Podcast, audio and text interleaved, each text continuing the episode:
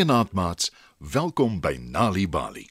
Vanaand se storie, Maak 'n plan Lulu, is geskryf deur Karen Louise Olivier. Skyf nader en spits julle oortjies. Dis skool atletiekdag by Inseklaar. Al die leerdlinge, almal insekte, sien al lank uit daarna. Die oggendson skyn helder en Lulu sit op 'n grasspriet op haar skool se sportveld. Sy wag opgewonde vir haar item, hoogspring. Vlooie kan baie hoog spring. roep Lulu terwyl sy eers op 'n klip spring, toe op 'n takkie en daarna 'n groot tak van 'n boom daarnaby. Lulu kyk af na die ander insekte wat gereed maak om aan die dag se items deel te neem. Al die insekte is vol selfvertroue, want hulle oefen al lank baie hard vir vandag se byeenkoms. Springkaan rek sy agterbene. Oh, my bene is baie sterk. Ek dink ek gaan goed presteer in die verspring vandag. sê hy. Ek dink ek gaan my reusies wen. sê Kakkerlak. Sy eet 'n laaste hapie pannekoek en vee haar mond aan haar vlerk af. Naaldekoker, muskiet en by klap hulle vlerke terwyl hulle stry oor wie die hoogste kan vlieg.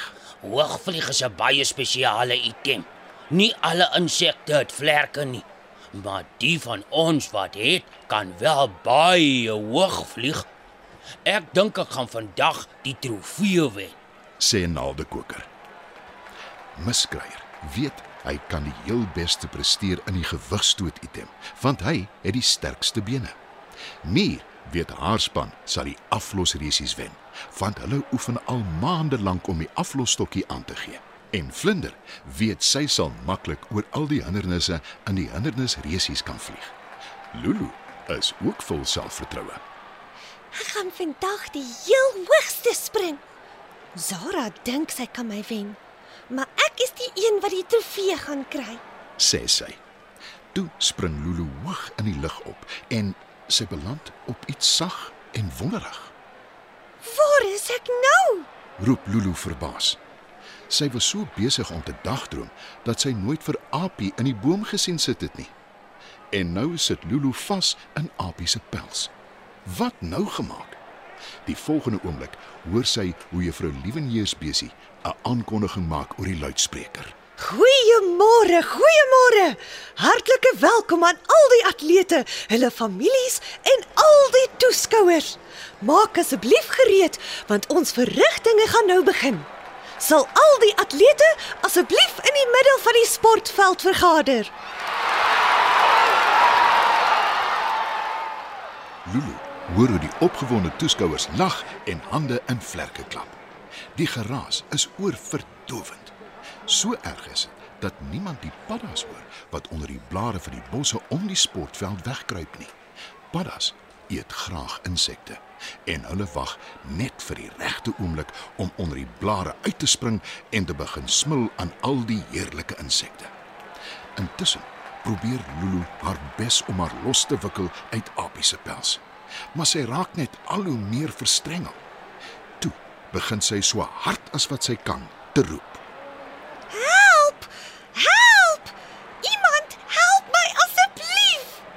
Maar niemand hoor haar klein stemmetjie nie. Die skare maak heeltemal te veel geraas daarvoor. Toe hoor Lulu juffrou Liewenheers besie sê: Die meisie se hoogspring item is binnekort aan die beurt. Sal al die deelnemers asseblief by die hoogspringput aanmeld. Ag nee. Ek gaan my item mis. sê Lulu. Sy stoot en beer om 'n pad uit Apie se pels te probeer kry, maar dit is net te dik. Lulu huil van moedeloosheid. Sy het so hard geoefen vir die dag en die item en nou kan sy nie eens deelneem nie. Na 'n ruk hoor Lulu juffrou Liewenheers besie sê: Die meisie se hoogspring item vorder goed. Dis Zara se laaste sprong. Die lat is baie hoog gestel.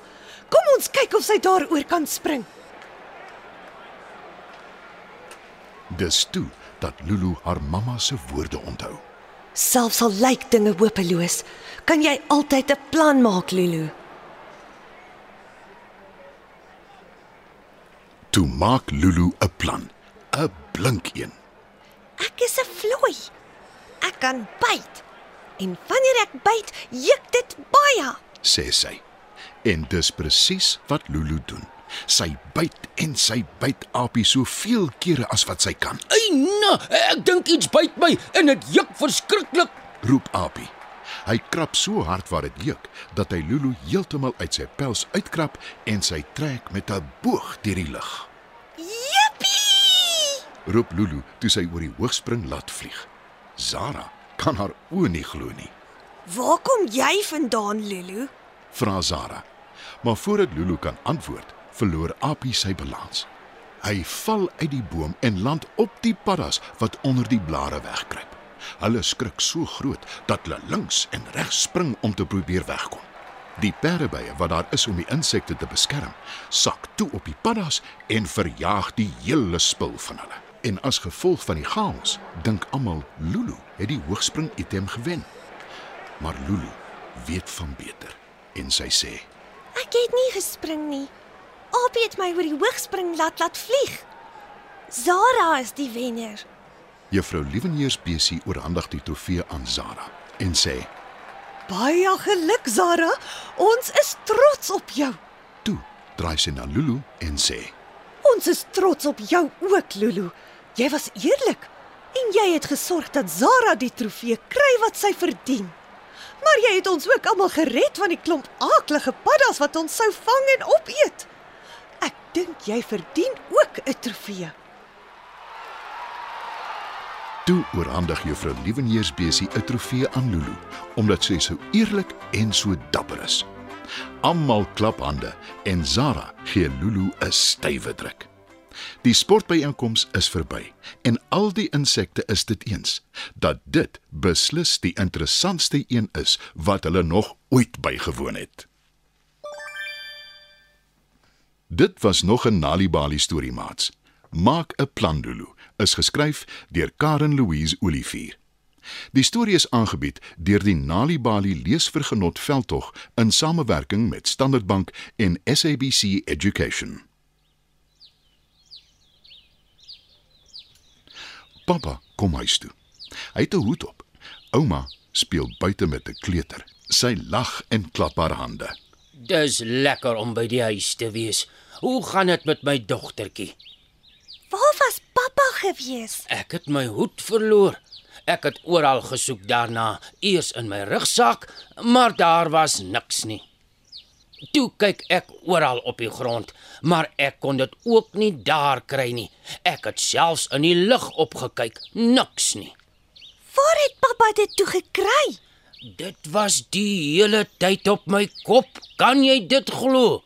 Ek is bly jy maak die tyd om met jou dogter te gesels en haar te vertel van jou doene en late. Ware mans maak bemoeienis met hulle kinders en bring kwaliteit tyd saam met hulle deur. En kleuters leer woorde deur na stories te luister.